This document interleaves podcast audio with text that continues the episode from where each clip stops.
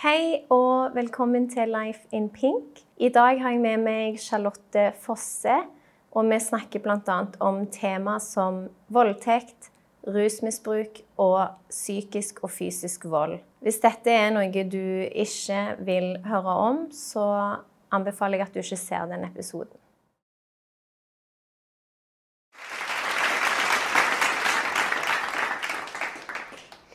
Jeg ble jo da født i 1976.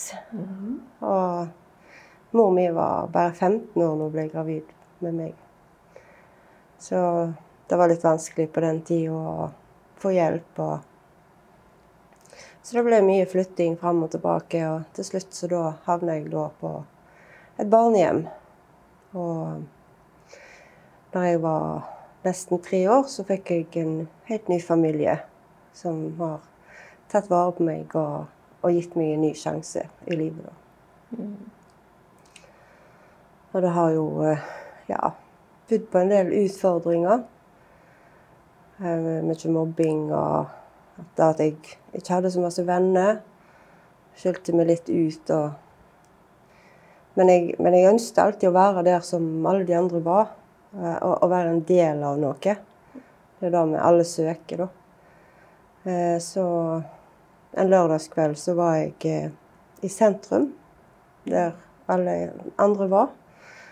Det var der alle samles og drakk og festa. Jeg eh, var ikke den som drakk da, for jeg eh, hadde foreldre som passet godt på meg og ja, ga meg gode verdier, da. Så var det en sånn Vi gikk liksom alltid bak et gatekjøkken hvis vi skulle på do. Eh, Så jeg var bak og skulle tisse da jeg ble overfalt av en av voksen mann. Han var svært berusa og hadde kniv. Eh, Og det gjorde veldig mye med meg. Jeg ble veldig redd og Ja. Så han, han voldtok meg den kvelden. Og jeg eh, tenkte med en gang etterpå at uh, dette dette kan ikke jeg si til noen. Dette er jo en stor skam. Um, men jeg var en veldig sånn omsorgsfull person, da. Så når jeg eh, kom til meg sjøl igjen så jeg hadde fått på meg klærne mine og Så gikk jeg og henta de som jeg da hadde vært med, og så fulgte jeg dem hjem. Og så gikk jeg hjem til meg sjøl og vaska alle klærne mine. Og sto i dusjen i mange timer for å prøve på en måte å spyle alt av meg. Jeg var jo jomfru, sånn, så jeg var jo full i blod, og det var veldig ekkelt, da. Til å være såpass ung, så, så var ikke jeg forberedt på hva det var for noe eh, med seksualitet og, og sånt. Ja, selvfølgelig ikke. Så ble jeg jo tatt eh, inn til sånn kontroll da dagen etterpå, for det var jo noen som skjønte at det hadde skjedd noe. Så det kom jo fram. Eh, og på en sånn liten plass som jeg kommer fra, så er jo ikke det akkurat eh, eh, Ja, da ble det jo da årets snakkis, på en måte. Og um, saken kom jo opp i retten, og det ble veldig mye ettervirkninger. Så det gjorde jo veldig mye med meg som person, sant? og mitt sjølbilde, og hvordan jeg tenkte om meg sjøl. Eh, Så jeg fikk jo slengt kommentarer som at eh, ja, hvor mye tar det for en natt, og, og du er så stygg at vi må ta en pose over hodet ditt hvis vi skal pule deg. Og det var liksom ikke måte på hvordan jeg skulle på en måte eh, få høre det da etterpå. Og da var du 14 år? Ja. Ja. Eh, Og så var det en eh, sosiallæreren på skolen. da, Han snakket med foreldrene mine, og de ble enige om at liksom, han skulle gå rundt i alle klassene og fortelle hva som hadde skjedd med meg. Og det førte jo til at jeg ble jo på en måte sett på som en spedalsk. For ingen visste jo hva de skulle si til meg. eller... eh, Så alle gikk jo bare rundt og stirra på meg uh, istedenfor. Um, så det ble veldig mye for meg, da. Jeg eh, fiksa ikke å gå på skolen hele tida. Ja. Men du sa at det ble en rettssak ut av dette.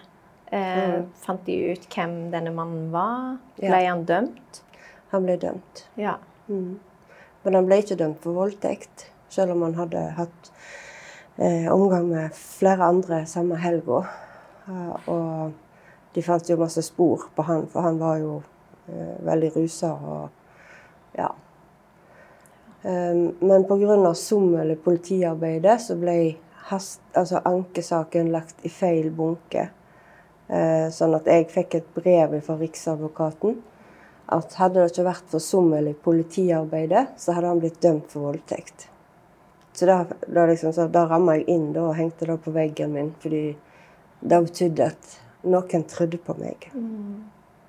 Men altså, hva ble han dømt for, da? Utyktig omgang med mindreårige. Ja, ja, det er jo ulovlig det òg, da. Ja. Ja. Men så slapp han jo ut igjen.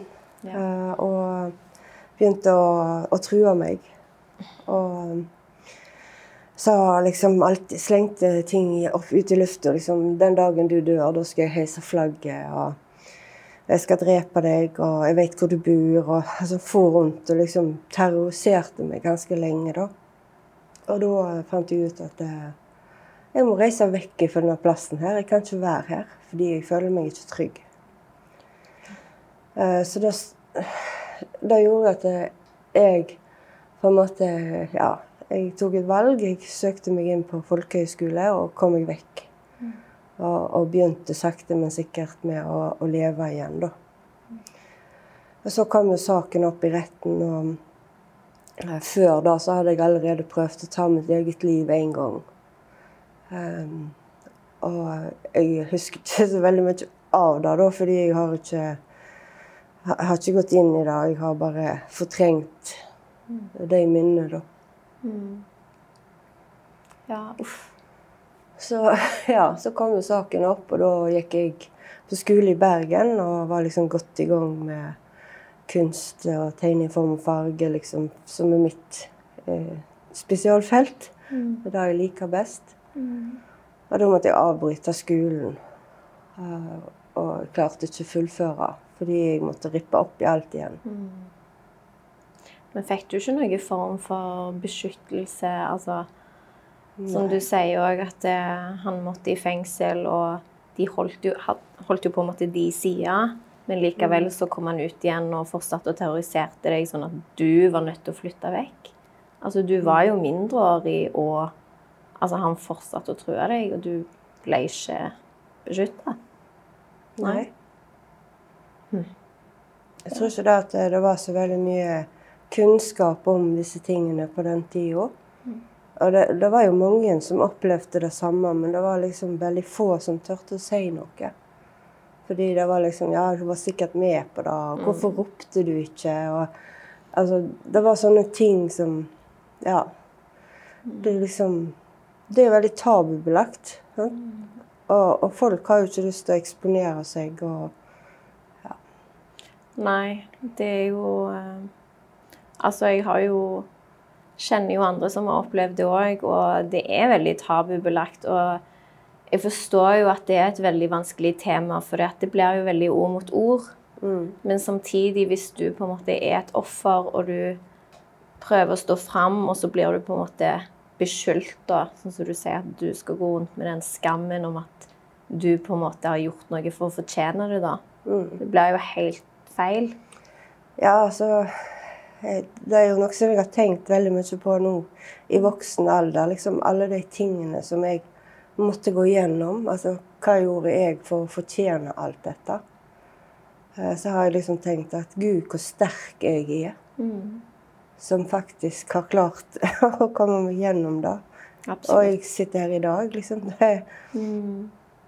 Ja. Nei, så, men det gjorde jo noe med hvordan jeg så på meg sjøl, men òg hvordan andre behandler meg. Eller hvordan jeg tillater at andre behandler meg. Mm. Fordi jeg var egentlig bare ung og på søken etter en plass der jeg hørte hjemme. Mm. Så da ble jo da første gangen jeg følte at jeg fant min plass. da var sammen med en gjeng med ungdommer fra bergensområdet som da gikk på bystasjonen og bomma penger, så de kunne gå på høyden og kjøpe hasj. Ja. Så, så det er liksom Der passet jeg rett inn. Eh, og det er jo litt sånn morsomt å tenke på liksom at det, de fikk meg til å føle meg som en hel person. Ja. Ja, sant. Men eh, etter du var ferdig på Nei, du avslutta på folkehøgskolen etter Jeg- den saken. Jeg eh, fullførte folkehøyskolen, men jeg fikk jo ingen karakterer det året. Nei. For jeg hadde så stort fravær. Mm. Um, så gikk jeg jo eh, VK1 da, i Bergen, og der måtte jeg avslutte. Ja. Uh, og da var jeg jo begynt å røyke litt hasj og ja, vanke med folk og, som ga meg en god følelse. Eh, og så til slutt da så ja, var jeg jo litt på loffen med de som jeg var på folkehøyskole Oi sann. Folkehøyskole i lag med. Og eh, så kom foreldrene mine og henta meg i Arendal og sa nå skal du hjem. Så da- da ble det litt sånn småjobbing da med at jeg eh, eh, jeg, jeg holdt en utstilling for kommunen eh, i, eh, for å markere 50-årsjubileet etter krigen slutta. Da. Eh, og da ble jeg gravid da, eh, i den tida. Mm. da skulle jeg ramme inn alle skøytene som var brukt under Shetlandsferden, og skrive historiene og intervjue disse gamle krigsveteranene. Så helt på slutten, da, rett før åpning og utstillingen, så begynte jeg å kaste opp. Og liksom skjønte ikke hva er det er galt med meg nå, liksom. sant? Det hadde ikke vært sånn før. Og da skjønte jeg at jeg var blitt gravid. Eh, Jeg eh, gikk hjem til mine foreldre og fortalte det. Eh, Og jeg opplevde vel egentlig at det var en veldig stor skam å bli gravid utenfor ekteskapet. For jeg vokste opp i en familie med veldig religiøse foreldre. Men eh, de, jeg kunne ikke vært mer heldig, da. De er kjempegode og snille, men de har sitt syn. Mm. Og det gjorde til at jeg eh, reiste til Bergen igjen. Og eh, bodde litt her og litt der. Og til slutt så havna jeg på sykehuset. For jeg eh, klarte ikke å holde på maten. Bare kaste opp. Og etter det så reiste jeg hjem igjen til Bømlo. Så fikk jeg meg en jobb som praktikant, sånn at jeg skulle øve meg litt på hva det ville si å være mamma. Og da var jeg helt frem til jeg eh, da fikk han eldste sønnen min. Eh, Og da hadde jeg jo begynt så altså, vidt å være med han som eh, da var far hans. Og eh, ja, det var litt sånn Han drakk veldig mye. Og jeg trodde jo da at han behandla meg fint da. Eh, Helt til han slo meg i magen eh, når jeg var høygravid. da. Det var liksom første gangen jeg tenkte at det var ikke greit at han gjorde det. Og, men allikevel så var det akkurat som jeg var blind for alt det negative som var rundt. Og jeg, jeg vet ikke helt, men det gikk jo slag i slag. Helt plutselig så fikk han seg jobb i Nord- Nord-Norge, da. Og jeg fulgte etter. Så ble jeg gravid igjen. Da fikk jeg en gutt til der oppe. Og da skjønte jeg at nå, nå sitter jeg fast. Ja. Da var det sånn jeg var helt isolert fra omverdenen. Både økonomisk og sosialt og alt. Um, og jeg hadde liksom kun far min jeg kunne snakke litt med da, om disse tingene her. Og han var fortvila. Han visste ikke hvordan han skulle hjelpe meg. Og jeg visste ikke hvordan jeg skulle hjelpe meg sjøl. Men så Så ble han egentlig eh, gjort oppmerksom på dette her på jobben sin, at de visste hva han gjorde med meg. Eh, og da, da slutta han. Han fikk i hvert fall ikke jobbe der mer. Så da var jo å søke seg ny jobb da en annen plass. Så da reiste vi ned til Bergen, der min biologiske mor bodde da. Så vi fikk bo litt hos henne. Eh, og da hadde jeg jo to unger. Så fant vi oss en leilighet, for han fikk seg jobb i Bergen. Og det fortsatte jo bare med at han på en måte Hvis du ser for deg et edderkoppnett Mm. Han spante meg mer og mer inn i det nettet. Mm. Og jeg var mer og mer hjelpeløs. Klarte ikke å komme meg ut. Mm. Så ble jeg gravid igjen. og mens jeg var gravid da, så, eh, så gifta vi oss. Ja. Og ja. Så skulle han videre igjen, så han fikk seg ny jobb på Østlandet. Men da hadde han begynt å slå deg igjen? Eller Jeg hadde jo holdt meg kua hele veien. Ja. Og det var sånn alt ifra 'Hvorfor ligger det ei fille på vasken?' til 'Du, de stygge hora'. Mm. Og det er ingen som vil ha deg fordi du er så feit og stygg. Og det var Altså, krenkelsene var uh, veldig harde. Ja. Skjønner det er lenge siden jeg har snakket om akkurat dette. Men ja, men det er helt lov. eh, så ble det jo til at vi flytta østover, og da ble det egentlig enda verre. Da var jeg eh, satt jeg der alene med tre unger og var nesten ikke i stand til å gå på beina pga. bekkenløsning. Jeg hadde jo født tre barn på to og et halvt år, så det var jo eh, en litt stor påkjenning for kroppen min. Og eh, da søkte jeg meg inn på et sånt opptreningssenter. Og så sa jeg til han at han var nødt til å reise hjem til mine foreldre og bo der med ungene. For jeg var nødt til å vite at de hadde det bra. Og når jeg var der inne, da, tok, da søkte jeg om hjelp. Og ordna alt fordi jeg skulle gå fra han. Jeg skulle klare det. Og så skjønte han det på en eller annen måte. Mm. Så han kom og henta meg. Så da var det jo enda litt lengre tid, da. Og ble jo sittende enda mer fast. Så sa han opp jobben sin på Østlandet, for da hadde jo naboene funnet ut hvordan han behandla meg, og da kunne ikke vi være der lenger. Mm. Så da um, var det Haugesund neste. Men det var altså flere da som reagerte, altså både fikk Mm. med seg hvordan han var mot deg, og faktisk reagerte på det òg, Mm. som gjorde at dere på en måte måtte flytte fra plass til plass, da. Ja. Ja.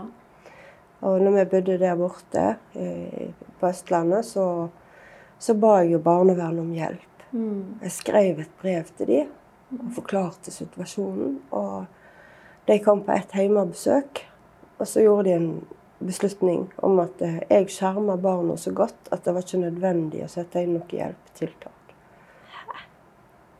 Men så når jeg bodde på Østlandet, da, så var jeg på et seminar med han eh, eh, lederen i Alternativ til vold Mm. Så helt stilt hva det heter nå. Men, eh, og da, da, da ble jeg klar over at jeg levde jo med vold. Eh, psykisk terrorisering og fysisk mishandling. Og ja, lista er lang. Um, så da begynte, jeg, da begynte jeg å planlegge å komme meg ut. Uh, enda mer enn det jeg hadde gjort før. Eh, og jeg skjønte at dette, tar, dette er ikke gjort på 1, 2, 3. Fordi jeg sitter sånn fast at jeg, jeg vet ikke om jeg klarer dette alene. Men var det ingen som på en måte kunne hjelpe deg eller støtte deg i det å faktisk gå fra han? Altså på den måten at de kunne skjerme deg fra han? Altså, som du sier, du fortalte det jo til noen, da. Men det var Altså- ingen som kunne gjøre noe? Nei. Det virka på meg eh, etter hvert som tida gikk, at eh, offentlige instanser var redde for hvilke konsekvenser som kom hvis de grep inn. Ok. Eh, Men det var jo ikke før litt seinere, da, når altså, Etter vi hadde bodd i Haugesund, og, og mm. han tok oss med ut av landet, til Danmark, der hans familie var. Og de var jo tyrkiske kurdere. Så da satt jeg på en måte litt fast der òg, da, med et eh, kvinnesyn som ikke var helt greit. Um, men så var det at min svigerfar, han, han, så, han så meg. Uh, og han sa til meg Kom deg vekk mens du kan. Så han hjalp meg, og han uh, gjorde det sånn at vi fikk faktisk uh, han til å kjøre flyttebilen Åh. hjem til Norge igjen. Og da til Bømlo. Mm. Så deilig. Ja. Men så kom jo han, Mm. Eh, og da var han veldig sjuk. Han hadde jo drukket veldig mye alkohol når vi bodde i Danmark, og, var på vei inn i psykoser. Og, og det var veldig mye hyppigere raseriutbrudd. Og ungene opplevde jo veldig mye vonde ting, da. De ble bitt fast, og, men jeg ikke var hjemme. Og, det er sånne ting som du på en måte ser på film. Eh, Når noen går amok med øks og knuser rundt seg og Mm. skal hogge hodet av deg og sånne ting. Altså, det, ja. Så da var det jo psykiatrien da som måtte ta han. Og jeg har aldri eh, rygga så fort gjennom en sving som når han kom springende etter meg med ei øks. Nei. Eh, Og jeg ringte politiet og ba om hjelp. og Det tok over halvannen time før de kom. Og da hadde jeg fått gått og gjemme meg inne på en Kiwi-butikk. Der det var en, en mann som var vaska, så jeg bare hamra på døra helt til han slapp meg inn. Ja, og forklarte situasjonen, og så kom politiet. Og da hadde de jo henta han, så han satt i bilen når de kom og henta meg. Mm. Så ja. Ehm, det Det har vært veldig tøft. Mm. Jeg har liksom ikke helt skjønt hvordan jeg Altså hvordan jeg klarte å, å, å bryte ut. Nei. Men eh, det ble lettere etter hvert så han liksom var vekke i, i psykiatrien og innlagt på sinnssykehus og sånn. Mm. Men så begynte de å ringe til meg når han stakk av. Mm. Fordi jeg var liksom den eneste som klarte å roe han ned. Eh, og da eh, husker jeg eh, da Jeg måtte plassere vekk ungene, sånn at jeg kunne ta vare på han. Fordi de ville ikke ha han inne i psykiatrien. Fordi han var så galen. Eh, og da Ja, til slutt så, så var det jo ikke mer igjen av meg. Jeg, han hadde tatt fra meg alt som var med meg. Mm. Um, Men altså når du, sånn som du sier, det krevde jo en del planlegging og i det hele tatt for å komme seg vekk fra han. Altså, det var vel sånn at du var redd, altså? ja, jeg, jeg var så redd jeg, at det, etter at han var ute av livet mitt, så klarte ikke jeg å være alene i mitt eget hjem på to år. Um, og det var jo sånn at jeg, jeg bare la meg flat og sa til barnevernet at eh, nå får dere bare ta ungene, for jeg klarer ikke mer. Uff. Ja, det, det tøffeste jeg noen gang har gjort i mitt liv. Å gi fra meg mine egne unger. Mm. Ja, jeg forstår det. Ja. Men det var det som måtte til. Mm. Og på den tida så var det sånn at jeg, siden jeg ikke klarte å være alene, så hadde jeg jo alltid folk hos meg som satt der og passet på meg, sånn at jeg skulle få sove. Eh, og en av de som satt og passet på meg, han satte et skudd med amfetamin på meg mens jeg lå og sov. Så da var jo det en helt ny verden som på en måte åpna seg opp for meg da. Mm. Så jeg var jo grisehekta jeg fra første sekund. Det var liksom eh, Akkurat for første gang i mitt liv så, så var det akkurat så alt inni meg bare datt på plass. Det var Ja, det er vanskelig å beskrive det, egentlig. Men hvem var han? Som skulle passe på deg? Det var en eh, som jeg var begynt å være med litt etter at mannen min var ute av bildet. Og han var vel egentlig ikke så langt vekk fra eh, samme type atferd. Og han hadde gjort dette før, for å si det sånn. Ja. Så det var jo egentlig en, en seksuell relasjon som jeg hadde, da. For eh, med eksmannen min så var det veldig mye sex. Det var tre, fire, fem ganger om dagen, og det var alltid når han ville. Og Mm. uansett om jeg ikke ville, eller ja. Så Mm. Så det ødela jo på en måte min seksualitet. På en måte da, at det, Noen de blir på en måte enten helt eh, anti, skal ikke ha det, mens andre blir kanskje litt i motsatt retning. At du føler du må ha det for å føle deg verdifull. Mm.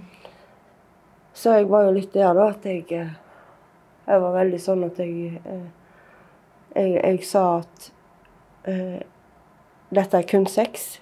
Uh, hvis du får følelser for meg, så kan du bare dra. Mm. Fordi jeg var ikke der at jeg Ja. For det var en bekreftelse for deg på at du Mm. var god nok? Eller? Mm. Ja. ja. Men altså Sånn som du sier at det, du har jo på en måte hatt en oppvekst som gjorde at du eh, førte deg da inn i dette her eh, voldelige, både psykisk og fysisk voldelige forholdet. Mm. Og etter han så var du så langt nede at du eh, kom litt inn i samme mønster med en ny. Jeg tenker Det er jo helt naturlig, i hvert fall når du ikke har fått noe spesiell hjelp til å forstå og bli kjent med deg sjøl og liksom hva alt dette betyr. Mm. Men hvordan kom du deg, altså, hvordan kom du deg opp igjen? Ja, si det. Jeg, eh, jeg var jo der at etter, etter at jeg hadde avslutta det forholdet da med han eh, siste, så uh, traff jeg ei dame. Mm. Og vi ble vel egentlig litt forelska i hverandre. Og ja. Mm. Hadde en veldig trygg og god relasjon. Hun lærte meg å ta imot en klem og gi en klem. Uh, Så den relasjonen ble veldig bra for meg, da. Og så flytta hun til Østlandet. Og da var det påsken i 96. Så skulle jeg reise og besøke henne da på Østlandet. Og eh, jeg skulle ha han eldste sønnen min med meg, sånn at jeg kunne slippe han av i Skien hos min mor, som da bodde der. Og så var jeg innom hos en kompis da, eh, dagen før jeg skulle reise. Og der satt det en mann da som så ut som et lykketroll. For han hadde sikkert ikke klipt seg på et halvt år, og håret sto liksom sånn. Og han satt liksom bare og skrev på dataen på engelsk og snakket engelsk. Jeg visste ikke hvem det var da. Så, så av en eller annen grunn da, så ble han med meg på denne turen. Så viste det seg at han var barndomskjæresten til hun som jeg skulle besøke. Åh. Så det var litt sånn, det var en litt sånn rar historie. Så jeg reiste egentlig bort for å besøke kjæresten min. eh, Og kom hjem med en ny mannlig kjæreste. Som hadde vært kjæresten hennes. Ja. Eh, Så, og han, han var jo dønn narkoman. Han hadde jo vært på heroinkjøret i fire måneder når jeg traff han. Og var akkurat de som kom seg ut av det da. Og så eh, begynte han å ta vare på meg. Han var der hele tida, og han visste at jeg, jeg, kunne ikke være alene. Jeg trengte å ha han der. Så han ofra egentlig veldig mye av seg sjøl. For han var en person som egentlig trengte masse tid for seg sjøl alene. Så i seks måneder så var han der. 24 timer i døgnet for meg. Eh, Og så ble jeg gravid igjen. Og det var jo litt rart, jeg hadde jo, hadde jo søkt om å få sterilisere meg etter at jeg hadde fått tre. Her hadde de rota vekk søknaden min, og så da endte det opp med at jeg nå har fem. Um, så uh, var det sånn at jeg ringte jo sjøl og sa at jeg er rusavhengig. Jeg er blitt gravid, og jeg trenger hjelp. Mm. Det tok ganske lang tid før den hjelpen kom. Og det gikk så langt at jeg, eh, jeg valgte å gå og eh, finne ei gammel pipe i kjelleren og skrape den og røyke, eh, røyke det skrapet da, av mm. vannpipa. Fordi da visste jeg at prøvene mine ville slå ut på cannabis. Mm. For jeg hadde jo slutta å ruse meg når jeg fant ut jeg var gravid. Men jeg trengte jo mer hjelp enn bare å være hjemme alene. Mm. Så da fikk jeg litt eh, hjelp av hun som da ble svigermor mi. Som har lang erfaring med arbeid innenfor rusfeltet. Mm. I tillegg til at hun da har en sønn som har ruset seg masse. Mm. Så hun eh, ringte og sa nå nå folk fingeren ut. Og da ble jeg tvangsinnlagt eh, på en institusjon i Haugesund.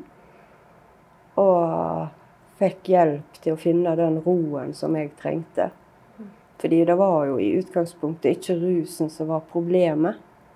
Det var jo alle følelsene. Og det å mestre og føle seg trygg. Og, og ikke springe til vinduet for å se ut. Når kommer han? Når skal han ta meg? Så um, det tok sin tid, da, men uh, endelig så kunne jeg begynne å leve litt igjen. Føle at jeg, jeg i alle fall hadde noen som passet på meg, og mm. jeg var trygg der inne. For det var ingen som kom inn der uten å gå gjennom et par låste dører og sånn. Så, mm. så uh, ja.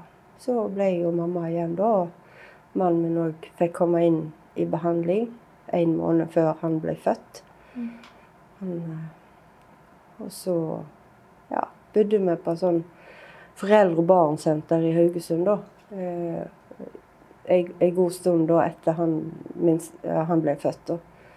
Og eh, så flytta vi hjem til Bømlo igjen og begynte å leve som normalt. Og hadde oppfølging i nesten fem år, tror jeg. Og så uh, tok de vekk alt ettervernet vårt. Mm. Så da sto vi jo på egne bein, og barnevernet begynte å henge seg opp i ting. Og jeg hadde jo begynt å kjempe hjem, om, altså tilbake omsorgen for de eldste ungene.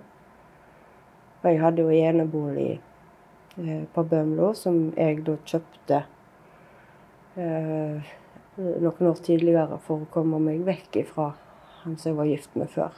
Mm. Og ja Så var livet bra. Var rusfri i, nesten sju år. Uh, han siste sønnen min, han som er minst, da, han var veldig spesiell. Jeg merka jo da at det var noe med han. Og jeg, hadde, jeg kjente det igjen fordi jeg har, har en sønn som er autist.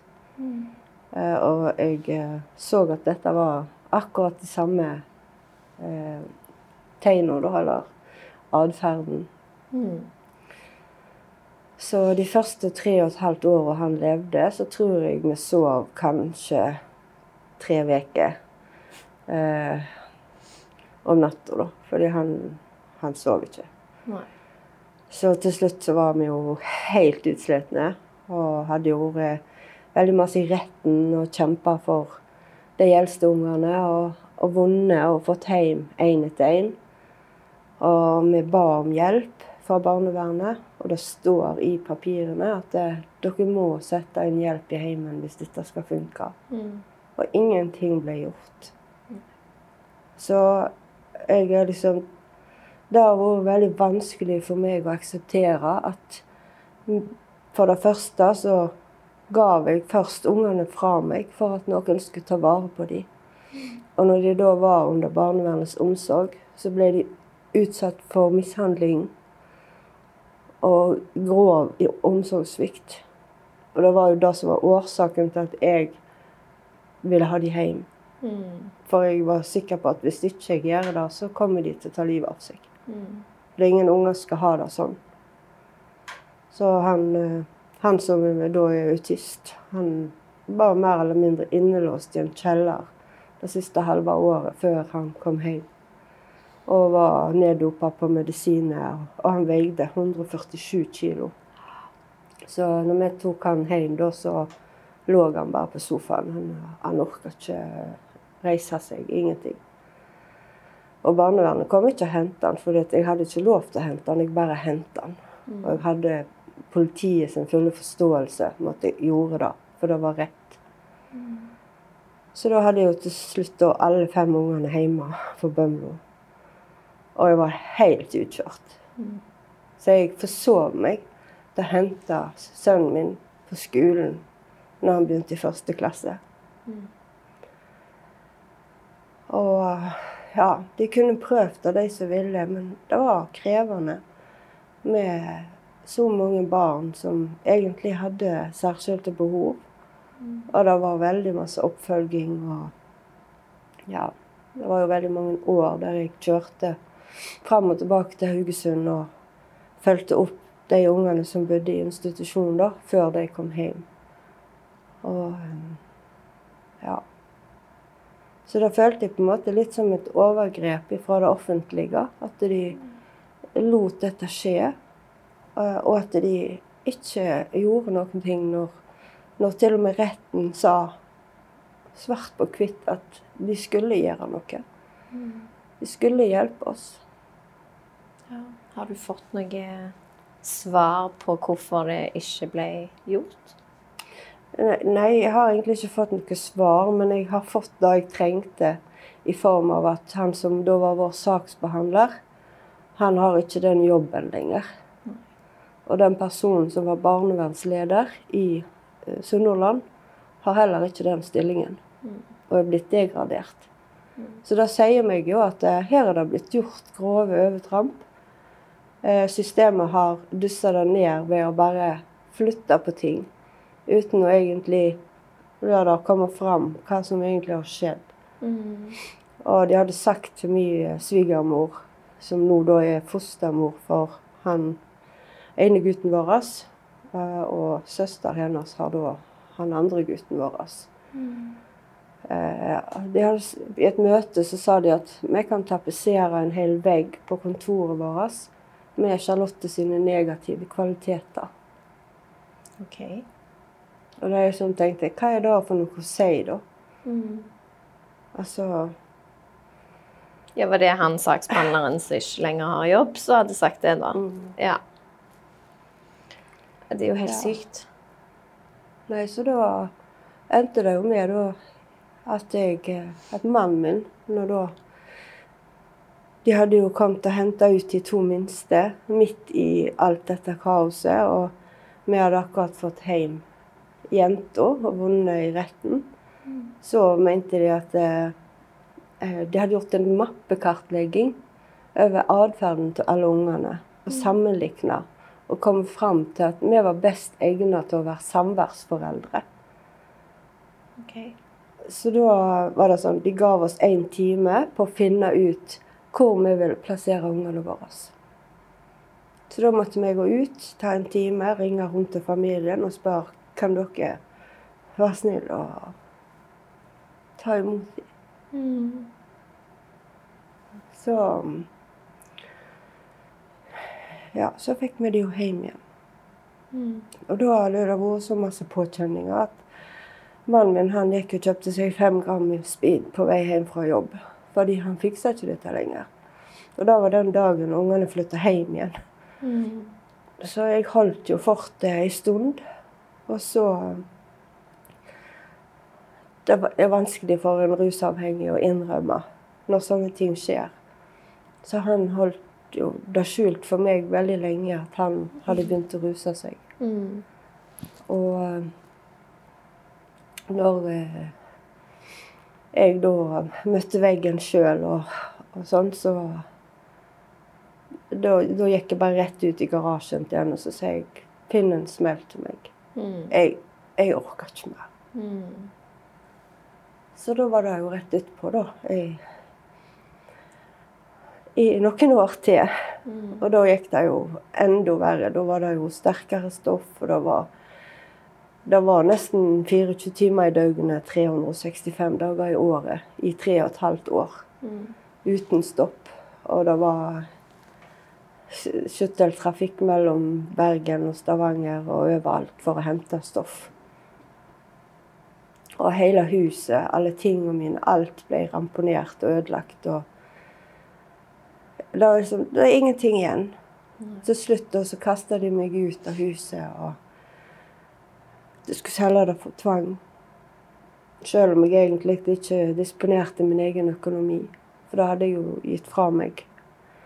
Så andre skulle ta seg av det, da. Men så var det noen regninger som de ikke hadde betalt, og da ble huset erklært, eller begjært tvangssolgt. Mm. Så jeg kjempa jo veldig lenge for det der, men jeg Ja. Jeg prøvde å få hjelp. Prøvde å, å komme meg inn en plass så jeg kunne få, få slappe av litt Mm. og hente meg inn. Mm. Så det skjedde jo veldig mye på det året da med folk som prøvde å ta livet av både meg og mannen min. Og eh, han fikk komme inn i behandling, og jeg sto alltid igjen ute. Så da han bodde på Askøy behandlingssenter, da bodde jeg i bak, eh, bagasjerommet på en bil på parkeringsplassen. Sånn at jeg var nær han. Hvorfor fikk ikke du òg hjelp? jeg, jeg vet egentlig ikke helt. Det var jo det at For han han har vært i behandling mange ganger. Sant? Han visste hva han skulle si og hva han skulle gjøre. Mens jeg var jo alltid redd. Jeg eh, var redd for å slippe kontrollen. Mm. Så på en eller annen måte så tror jeg at jeg Jeg, jeg sa ja, og så snakket jeg meg kanskje litt ut av det. Fordi jeg var så redd. Så da eh, fant jeg min egen vei. Så jeg eh, begynte å spille fotball på gatelaget til Brann. og eh, fant en mening i det, da, med å spille fotball. Ja, Gikk du fra han da, eller? Han var jo i behandling, Ja. og jeg bodde jo på gata. ja. Så da brukte jeg meg av alle de gratis tilbudene som fantes, da. Og begynte å spille i et band og synge og fikk mat der. Og ja, begynte på en måte å, å samle meg sammen, da. For jeg ble jo rusfri på utsida, mens han ble rusfri på innsida. Så ja. Kom han ut igjen, og så gikk det en liten stund, og så begynte han òg å spille fotball på Brann. Og så havna jo hele laget ute i sprekk. Så da var det jo ingen spillere som var nøkterne. Og da ja, førte til at etter hvert år så havna vi jo hjemme på Bømlo igjen. Og fortsatte å ruse oss. Og eneste som var, var at hver 14. dag hele tida mens vi var ute i sprekk i de tre og et halvt åra, så var vi hos ungene. Og vi hentet oss inn så vi var bra nok. I løpet av de åra så var det én gang vi ble sendt vekk av svigermor, så jeg kan huske. Der vi ikke var bra nok til å være der. Så det var vel litt av motivasjonen vår, da, at vi ja, at vi hadde ungene. At det, vi hadde ikke samvittighet til å fortsette. Så til slutt, og på det verste, så var det jo sånn at vi tålte jo ikke trynet på hverandre. og Han fikk plass på Frelsesarmeens behandlingssenter her i Stavanger og reiste. Og jeg satt igjen på Bømlo alene. Og da, eh, et par uker etter han var reist, så kom det noen og tok en pose over hodet mitt og skulle henge meg. Og etter det så eh, kom jeg til Stavanger. Satte meg på en buss til Stavanger. Jeg, jeg var sikker på at jeg skulle dø. Jeg eh, eh, Altså, det var sånn Jeg hadde en ro inni meg at OK, That's it. Nå er det, nå er det slutt. Mm. Og fikk komme og bo på krisesenteret her i Stavanger. Vågde ikke si at jeg hadde et rusproblem, så jeg avruste meg sjøl der, da. Det er ikke lov å være der når du ruser deg, så, Mm. så jeg, jeg eh, klarte det. Klarte å slutte å bruke narkotika helt, helt, helt alene. Mm. Men det var veldig, veldig, veldig tøft. Mm. Så um, ble det til at jeg begynte å gå på Frelsesarmeen oppe i Auglandsdalen. På Frist alternativ. Som er et fritidstilbud for uh, tidligere rusavhengige. Og der hadde de òg fotball. Mm. Så begynte jeg òg å spille på Viking gatelag. Så det var liksom fotball som var veien ut av rusen, da, på en måte. Og møte nye folk som levde et nøkternt liv. Mm. Og være med på NR-møte og gå egentlig rundt og lete etter muligheter som, som ikke koster noe. Mm. Så fant jeg meg først en hybel og så en leilighet. Så hadde jeg jo plutselig en plass å være og begynte å gå på kurs. Så nå har jeg jo tatt alt av gratiskurs som eksisterer her i distriktet. Eh, og tatt sånn likemannskurs og brukermedvirkning, treningskontaktkurs. Så recovery-kurs, det som jeg nå er leder for sjøl. Og eh, prøvde òg ei stund å komme meg inn i Alternativ til vold.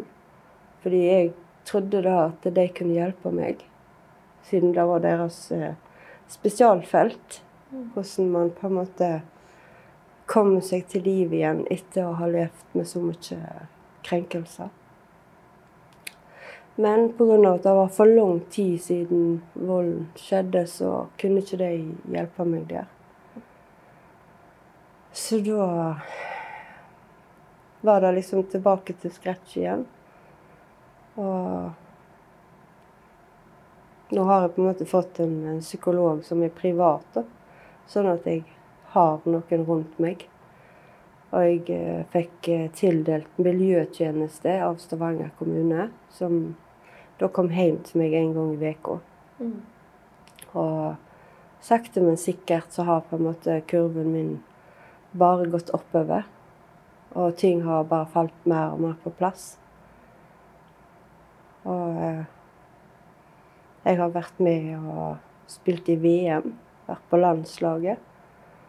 Blitt både norgesmester og nordisk mester i gatefotball. Og eh, ja. Mm. Det er liksom, jeg, jeg- når jeg tenker tilbake på alt det som jeg har klart, så ser jeg jo min egen styrke. Mm. Eh, Og da At jeg nå kan si altså at jeg kan føle lykke. Jeg visste jo ikke hva det var for noe. Det var liksom bare et ord. Mm. Men selv om på en måte ting fortsatt kan være tøft, sant altså, I fjor, eller ja, rett før korona starta, så fikk dattera mi påvist lymfekreft. Og da hadde jo hun en sønn som hun skulle ta vare på. Sant? Og måtte jo gjennom cellegift og strålebehandling og full pakke. Og vi måtte bidra så mye som vi kunne, da. Så tenkte jeg liksom bare OK, jeg tar henne med meg, og så kjører vi ut i naturen. Og så lukter vi på frisk luft og fjell og fjord. Vekk fra byen og alt sånt. Så det gjorde vi veldig ofte for å på en måte liksom bare senke skuldrene og Finne roen. finne roen. Mm. Så vi har liksom ja, vært veldig sånn kreative på hvordan vi skal klare å skape oss et godt liv. Etter alt det som har vært. Så jeg har spilt Pokémon Go i mange år. Jeg har vært i Tyskland på store eventer i dag med flere hundre tusen mennesker fra hele verden. Og det var liksom et rusfritt alternativ med et stort nettverk av folk i hele Stavanger og sånt som vi har hatt. Har vært med på vår reise, da, på en måte. Og, og vært eh, venner og støtta opp. Og det har jo vi aldri opplevd før. Så det var jo veldig, veldig stort. I begynnelsen så var det vanskelig å ta imot når folk prøvde å være gode. Og ja. Uh, Ja. Men altså, er det Det er han som er faren til dine to siste, som du er sammen med nå? ja. Ja. Og da Hvor lenge har du vært rusfri nå? Fire og et halvt år. Fire og et halvt år. Og det har vært noen bra år. Mm. Ja. Det er de beste årene av mitt liv, vil Ja. jeg si. Mm. Vil du fortelle litt om hva du har gjort i forhold til liksom, På grunn av at du har opplevd det du har gjort, så har du hatt mulighet til å hjelpe andre, og altså det du faktisk gjør nå, da. Mm. Ja. Jo, jeg har eh, Jeg begynte jo med å ta alle disse kursene, da. Mm. Og, og skaffe meg et nettverk her i Stavanger. Eh, Og jeg har jo på en måte altså, innebygd en, altså en innebygd eh, evne til å ønske at alle har det bra. Sant? Altså, jeg er bare en sånn person sant, som alltid har hjulpet andre. Fordi det var så lett å hjelpe andre og ikke hjelpe meg sjøl. Så jeg eh, kom jo til et punkt der jeg på en måte skjønte at hvis jeg skal hjelpe noen, så må jeg først hjelpe meg sjøl. og jeg Det er ingen som vil elske meg hvis ikke jeg kan elske meg. Sant? Så jeg har brukt veldig masse sånn quotes. Sant? Så jeg, det første jeg hengte opp hjemme hos meg sjøl, det var 'Leave your fears behind'. For det var liksom Det var min styggen på ryggen. All angsten og all skammen. Alt det som jeg trykte meg sjøl ned med. Så når jeg da eh, fikk bort det, på en måte, eh, så åpna det seg jo opp eh, plass til andre ting. Så da eh, ble jeg jo med på alt som jeg ble spurt om. sant? Vil du holde foredrag på engelsk for europaledelsen innen mental helse og rus? Fikk jeg spørsmål om. Ja, selvfølgelig. Helt greit, da. sant? Altså, du sier jo ja før du egentlig har skjønt hva du har sagt ja til. Men eh, det gjorde jeg. Og det er jeg stolt av. Det er stort. Og det var liksom sånn Ble invitert med på, på middag på kvelden på en av de dyreste restaurantene i Stavanger. Med femretters middag og Ja, det var stort.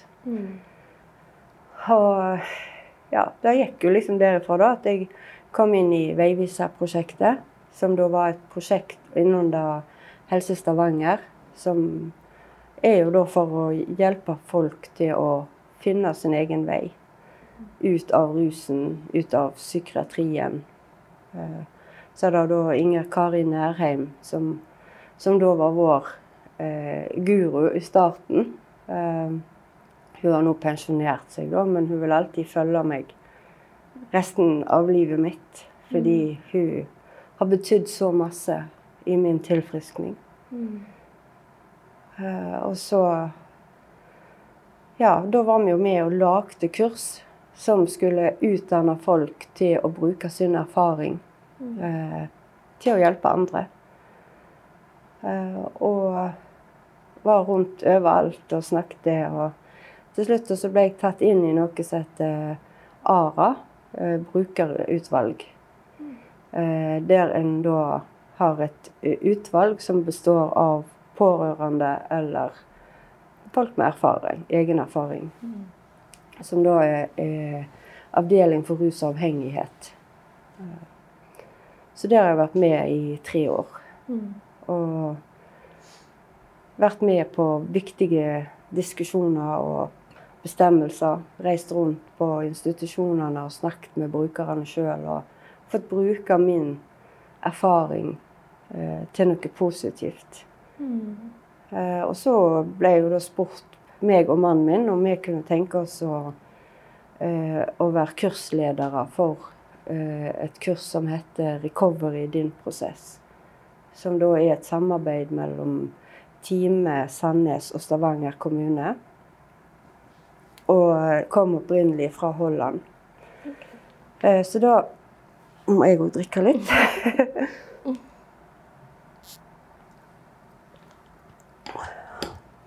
Så det har jeg vært med på nå.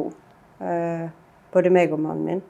Og det har, har liksom Det har gitt noe hver gang. Fordi alle som er med der, har på en måte den samme bakgrunnen på en eller annen måte. sant? Mm. Og det er sånn du møtes en gang i uka i tolv uker. Okay. Og har forskjellige temaer som man går gjennom. Mm. Eh, og det er jo liksom prosessen ifra du går fra kurs til du kommer neste gang. Mm. Alt det som skjer inni deg da, er store endringer. Mm. Så jeg kan ikke skryte nok av det kurset. Fordi det har gitt meg så masse kunnskap. Mm. Og jeg har lært meg sjøl å kjenne så godt. Så for hver gang jeg holder kurs, så blir jeg på en måte enda rikere i livet mitt. da. Mm. Så ja, så kom jo korona, så da har jo satt litt stopper for kurset, da. Men vi håper på å få satt i gang et nytt kurs eh, etter sommeren. Ja, for jeg tenker jo hvis noen har lyst å delta på det kurset, hvilke muligheter er det for det nå? Det er muligheter for det. Ja. Men vi kjører jo korona-safe. Mm. For det er jo kommunalt. Mm. Eh, så det er jo samme restriksjoner som innenfor kommunen. Mm. Så vi må jo bare se og håpe på at det ikke kommer en ny bølge nå da, etter sommeren. Men Er det sånn kurs som går hele veien, eller er det Men Det er jo litt på hvor stor pågang det er, da. Mm. Altså, og vi har liksom skjønt da nå at det, hvis vi har en litt mindre gruppe enn det vi har hatt før, så har det fungert veldig fint. Mm. Vi har jo òg fått lov til å holde kurs for ansatte mm. innenfor uh, psykiatrien og kommunen og ja, forskjellige plasser. Mm. Så det er litt sånn Ja, det kommer litt an på etterspørselen, da, kan du si. Hvis noen har lyst til å delta, er det sånn de kan melde seg på sjøl, eller må de ha henvisning? Nei, de kan melde seg på, og det er helt gratis. Mm. Men jeg tenker sånn forhold til at Nå har jo du vært med på veldig mye, og du har kurs, og du har vært med på forskjellige typer kurs og sånne ting. Merker du en endring i liksom, hvordan du opplevde altså sant, For mange år tilbake, når du ikke fikk hjelp, og liksom dette med tabu og alt sånn. Hvordan ville du sagt det nå? For jeg håper jo det er en endring i, ja, ja. i at folk faktisk hjelper og Altså, nå føler jeg at eh, jeg eh, blir hørt og sett. Mm. Eh, jeg har akkurat flytta til Sola kommune, da. Eh, og jeg fikk jo litt hjelp når jeg var i Stavanger òg. Hadde jo den oppfølgingen fra eh, helse- eller miljøterapeuter eh, en gang i uka. Så det var, det var jo en begynnelse. Eh, for det er jo noe med det der at du skal våge å ta imot hjelp òg. Mm. Eh, det er jo en egen prosess mm. når du har opplevd så mye svik i livet. Så eh, nå så har jeg jo stått på kravene mine og sagt jeg vil ha folk rundt meg i lang tid.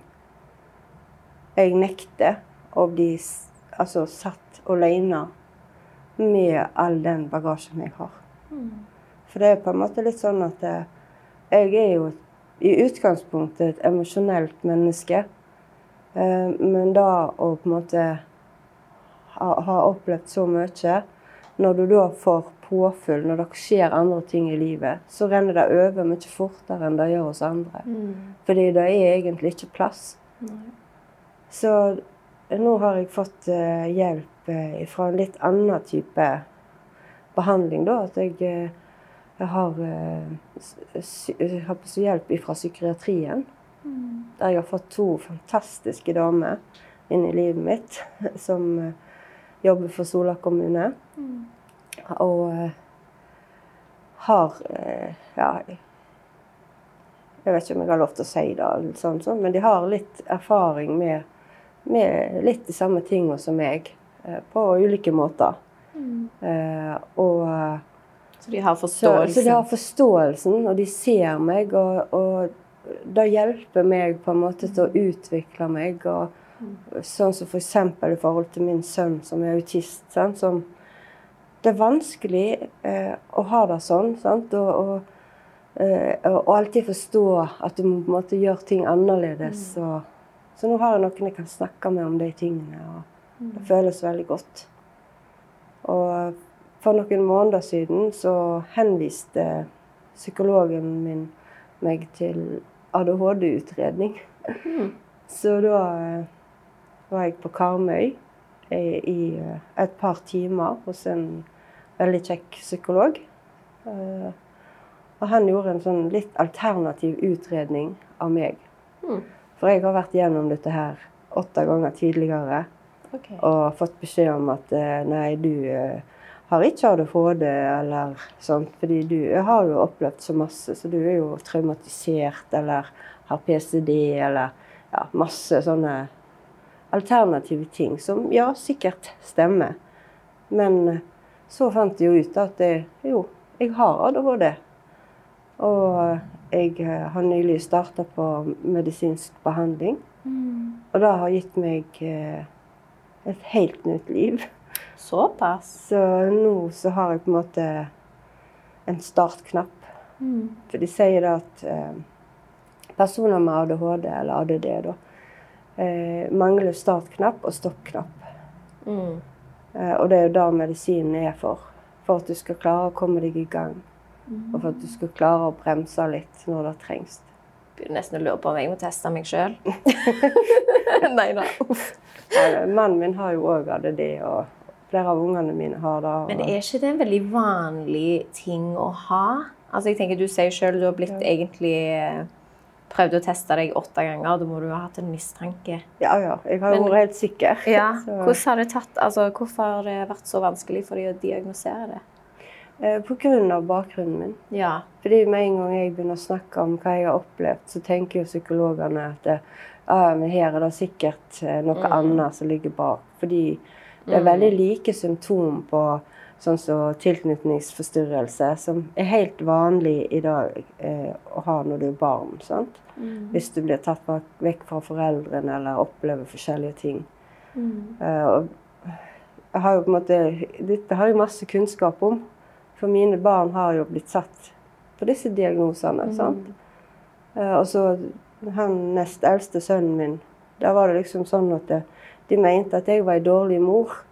At det var pga. meg at han var sånn som han var. Mm. At han var så utrygg. Og, og så var det jo dette med volden. sant? Så alt spiller jo en rolle. Men eh, når han var 14 år, så fikk jo han autismediagnosen. Ja. Og da kjente jeg liksom at det var litt godt. Mm. Fordi jeg syntes det var veldig urettferdig at jeg skulle på en måte bli straffa. ja. Eh, At du skulle få skylda for at jeg skulle få skylda for alt. Mm. Så Det var godt for deg. ja. Ja. Så jeg tenker liksom at det, det er viktig å finne de svarene som man leter etter. Mm. Fordi man får ikke ro inni seg før man har eh, gjort det. sant? Ja, det er sant. Eh, Ofte når jeg snakker med folk som, som jeg merker trenger noen ord som er litt kloke, så, så, så, så klarer jo ikke jeg å dy meg. Jeg er jo veldig direkte sånn. Så da sier jeg det jeg mener, og så sår jeg noen frø, og så til slutt så ser jeg at de faktisk klarer å hjelpe seg sjøl. Mm. Så eh, om det er en vilt fremmed person, eller om det er en eh, kjent influenser på Instagram, eller hva det er, det spiller ingen rolle. Alle er jo mennesker. Sant. Det er ikke noen forskjell på oss. Så jeg sier det jeg mener, og mener det jeg sier. Mm. Og det gjør at jeg kan være den personen jeg er i dag. Mm. Det ingen, jeg har ingen hemmeligheter. Jeg har ingen eh, flere skjelett i, i skapet mitt. Nei. Så det er sånn ja, jeg kan, Hvis jeg kan få lov, så kan jeg fortelle om et foredrag jeg hadde for noen år siden. Mm Eh, der jeg eh, Jeg hadde egentlig en sånn visjon da, om at jeg skulle lage et foredrag der jeg kledde meg av meg. da. Så jeg er jo kunstner, så jeg, eh, jeg fant en svær rull med sånn gråpapir. Så jeg trilla utover hele gulvet. Og så la jeg meg ned, og så tegna jeg rundt hele kroppen min med sprittusj. Mm. Og så malte jeg meg sjøl inni dette bildet, da. Mm. Og så skrev jeg en powerpoint-presentasjon på 26 sider. Mhm. Som jeg da tok inni sånne blå plastlommer, og så limte oppå hele eh, tegningen. Mm. Og så skulle jeg holde foredrag oppe på SUS eh, for eh, merkene til DPS. Altså de som sitter i resepsjoner og forskjellige sånn. Mm. Så hadde jeg med meg eh, ei dame som òg har, betydd mye for meg, da, som eh, heter Silje. Eh, hun jobb, har jobba lenge innenfor rusfeltet. da. Så hun var liksom min, eh, min trygghet når jeg var der. Så hun satt på en stol, og jeg så kun på henne. Jeg, jeg så ikke på de som satt i salen. Fordi jeg visste at hvis jeg gjør det, så da knekker jeg sammen. Da klarer jeg ikke å snakke. Mm. Så hengte jeg opp dette bildet, da, og så begynte jeg. Så sa jeg liksom før jeg begynte, at det, det er ikke sikkert at jeg klarer å lese teksten på hvert og et bilde. Men jeg skal gjøre så godt jeg kan. Mm. Så begynte jeg å, å liksom ta av, fordi at alle de forskjellige arkene var liksom én historie eller én epoke i livet. Sånn at jeg gikk på en måte gjennom hele livshistorien min eh, på 26 punkt. da. Ja. Eh, Så når jeg kom til den delen med barnevernet, så holdt jeg på å knekke helt i sammen. Så da eh, Da var jeg litt tøff tryne. Så jeg eh, krølla papiret, heiv det på bakken, og så trampa jeg på det. Mens tårene spruta ut av ansiktet mitt. Og så liksom, da så jeg på salen, og der satt de og grein Mm. og hylte. Og det var sånn, for det var så sterkt. Mm. Uh, og hun eh, Silje som var med meg, da, hun satt jo og grein. sant? Og det var eh, så, så, Men så fortsatte jeg, så til slutt så hadde jo jeg kledd av meg sjøl. altså mm. mentalt sett, Ja. men òg fysisk, ved å gjøre det på den måten. Mm. Uh, og da liksom Etterpå, når jeg var ferdig, så sto jo det Sant? Jeg sto jo bare og grein, og tårene bare trilla. Sånn. For det var en så sterk opplevelse å klare å være så blottlagt og så sårbar. Mhm. Men det var liksom mitt vendepunkt i å være komfortabel med meg sjøl, med kroppen min og med den jeg er. Det var der. Så i rommet ved siden av der som jeg var da, så holdt jo vi kurs den dagen. Så jeg var egentlig bare innom for å holde det foredraget, og så skulle jeg inn igjen på jobb. Så gikk hun inn og henta mannen min, og tok han inn for at han skulle gi meg en klem. Eh, og så etterpå, når vi var ferdige, så sier hun, vet du hva, du har ødelagt meg. så ja. Men eh, det var, det var en enormt uh, fin ting, da. Altså, I mitt liv så har det betydd veldig mye. At jeg klarte å fullføre den tingen som jeg hadde liksom sett for meg som en visjon at jeg en dag skulle gjøre.